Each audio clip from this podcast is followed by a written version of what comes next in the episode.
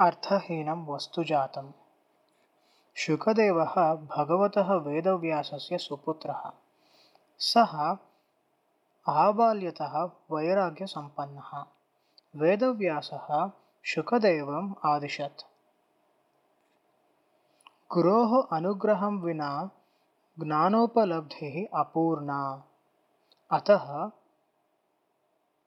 समित्पाणिः भूत्वा अधिकारसम्पन्नं गुरुम् अन्विध्य अध्ययनार्थं गच्छ। पाटलीपुत्रनगरस्य नृपतिः राजा जनकः आत्मज्ञानसम्पन्नः। सः त्वया सेवितव्यः। यथा कालं सः तुभ्यं ज्ञानं प्रयच्छेत् इति।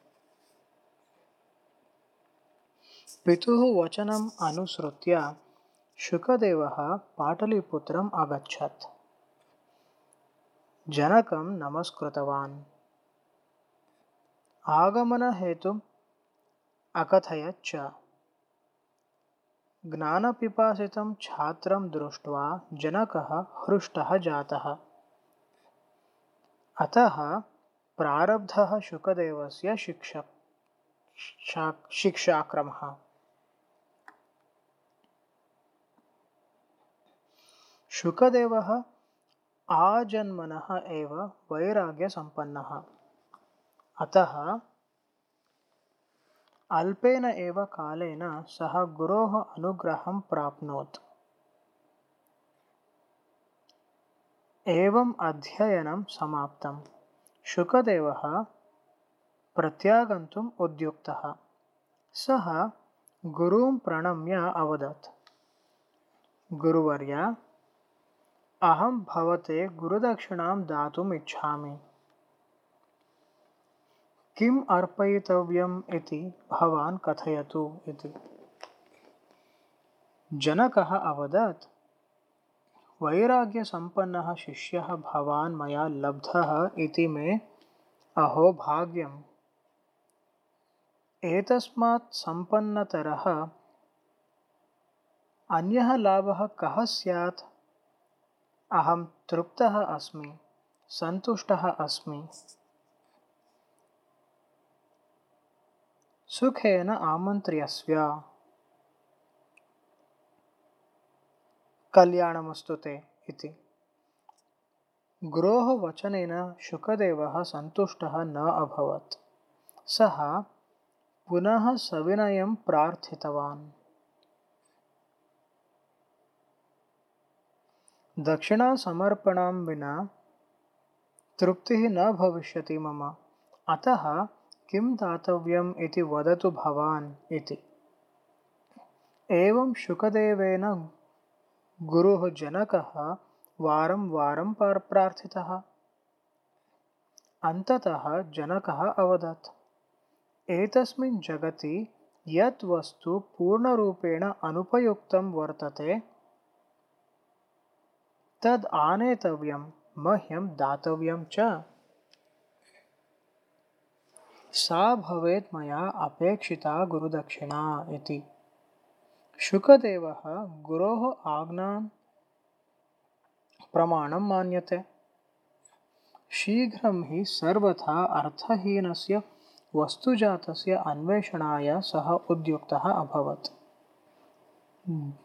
दीर्घकालं यावत् विचिन्त्य शुकदेवः अजानात् यत् अस्मिन् जगति विधिना निर्मितस्य वस्तुजातस्य अवश्यं का अपि उपयुक्तता वर्तते एव।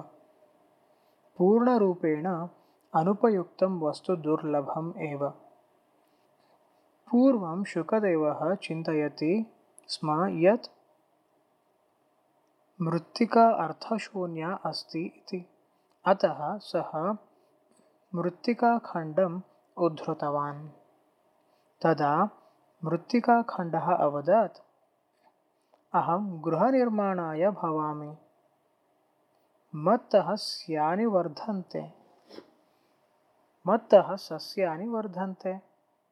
अहं तु सर्वासां गन्धानाम् उद्गममूलम्।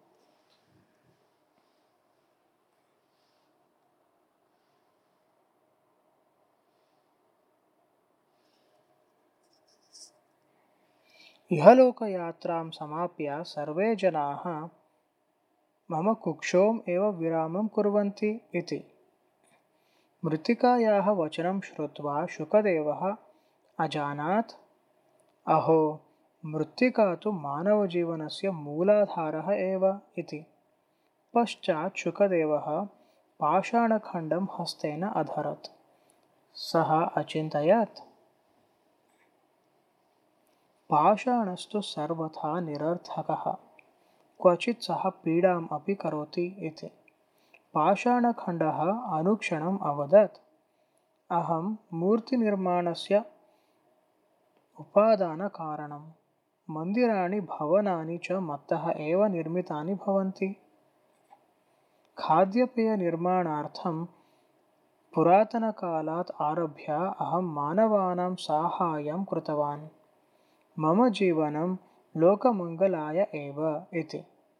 शुकदेवः विष्ठां दृष्ट्वा अचिन्तयत्। अवश्यम् एषा धृणाविषयः। अतः सर्वथा उपयोगानर्हा इति। अतः सः पर्णपुष्ठे विष्ठायाः अंशं स्वीकर्तुं प्रायतत तदा सा विष्ठा अवदत्, मा मा स्पृश्य माँ ह्यः अहं मिष्टान्नरूपा आसन्। भवतः वासनया प्राप्ता मया एषा अवस्था। अस्यां स्थितौ अपि मानवानां कृते सस्यवर्धनकारिणी भूत्वा अहम् आत्मसमर्पणं कृतम् उद्युक्ता अस्मि इति।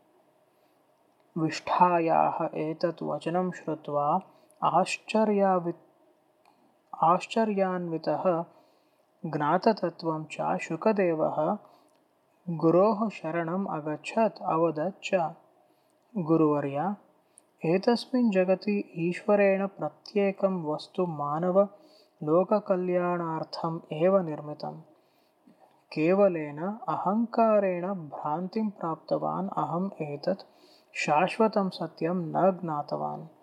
एतस्मिन् लोके सर्वथा अनुपयुक्तम् अतः एव त्यक्तव्यम् एकम् एव वस्तु जातं तद् अस्ति अहङ्कारः नाम।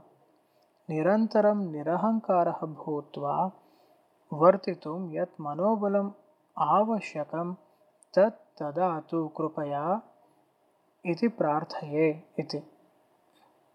तथास्तु इति उक्तवान् जनकः।